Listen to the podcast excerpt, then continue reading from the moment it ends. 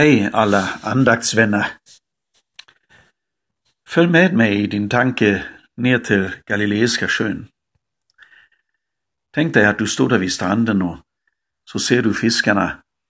En del håller ändå på att fiska, andra har kommit in med sina båtar, sålt sina varor kanske, och nu är de igång och rensar sina redskap. Och så kommer han där, Jesus. Så här skildrar Markus det i sitt första kapitel ifrån vers 16. När han, Jesus, gick längs Galileiska sjön såg han Simon och hans bror Andreas. De stod och kastade ut nät i sjön, för de var fiskare. Jesus sade till dem, Kom och följ mig, så ska jag göra er till människofiskare. Genast lämnade de näten och följde honom. När han kom lite längre fram såg han Jakob, Sebedeus son, och hans bror Johannes. De satt i båten och gjorde i ordning sina nät. Genast kallade han på dem, och de lämnade sin far Sebedeus i båten med arbetarna och följde Jesus.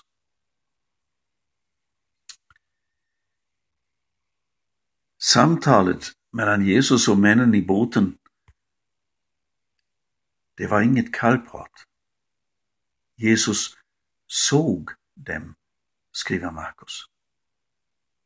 Stod Jesus en stund, iakttog dem vid deras arbete och såg på djupet, såg mer än deras yta? Det blev ett samtal med ett minst sagt ovanligt avslut. Jesus sa till dem, följ mig.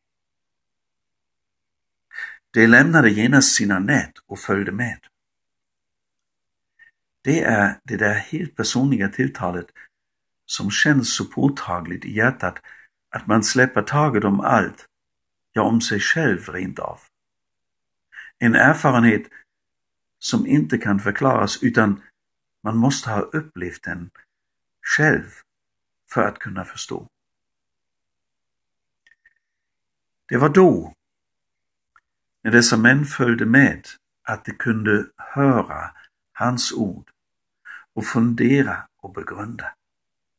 Det var då de kunde se med egna ögon och fundera och begrunda ännu mer hur Jesus tog emot alla med respekt, utan att göra någon skillnad, utan ett upplyft pekfinger, fördömande.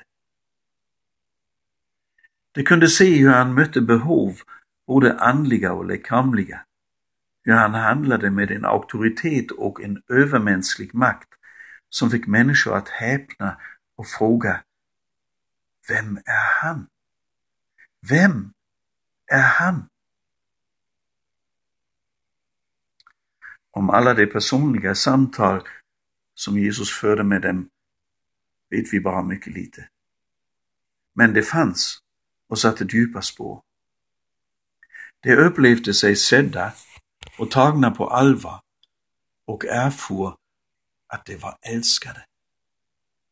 Älskade också när de kände sig otillräckliga, misslyckade, inte älskvärda. De upptäckte att Jesus inte tog tillbaka sin kärlek. Den minskade inte. Den svängde inte som vinden, utan den stod fast, orubblig fast. De fick uppgifter, fick lära sig, fick växa. Deras liv blev ljusa och fick nytt innehåll. De fick ge sitt gensvar. Frimodiga och med glädje, men också frågande. Att följa Jesus, det sker på samma vis för oss som för dem. Vi lär känna honom genom att lyssna på honom, se honom med våra egna inre ögon och inlåta oss i det personliga samtalet. Genom bibelläsning och gudstjänst sker det, genom bön och gemenskap med mera. Då sker samma förvandling, samma förnyelse som Jesu vänner fick uppleva. Ett nytt livsinnehåll Jesus och vi kanske uttrycker med samma förundran som Johannes. Jag är en lärjunge som Jesus älskar, oavsett, trots allt. Att jag är älskad av Gud, det ger mig ett värde. Det gör mig värdefull, betonar John Ortberg i sin bok Kärleken jag längtar efter.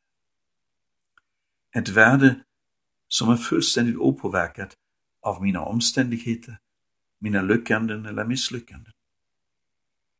Sedan kommer steg två i efterföljelsen. Uppgiften att gå och ge vidare. Berätta. I ett ständigt växande, inte alltid lätt, men med hans orubbliga löfte. Se, jag är med er alla dagar, ända till tidens slut. Är inte det fantastiskt? Det finns en liten berättelse och några tankar av Axel Kühner som jag vill tillfoga här. Det hände för rätt många år sedan i Göteborg, kanske. Som en riktig snorunge såg han ut, med händerna i byxfickan. Den skitiga kepsen check åt sidan kom han längs trottoaren, stannade upp och frågade damen Vägen till Avenyn, vet du den?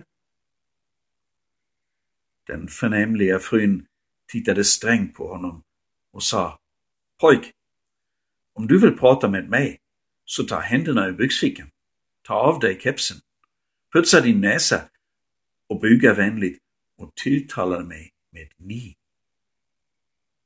Då svarade pojken, det är allt för mycket, då går jag hellre vilse. Gud ställer inga betingelser. Vi får komma till honom som vi är, vilka vi än är och varifrån vi än kommer. Var och en är inbjuden. Han tar emot alla som kommer, som frågar efter honom, som ber och förväntar sig något av honom.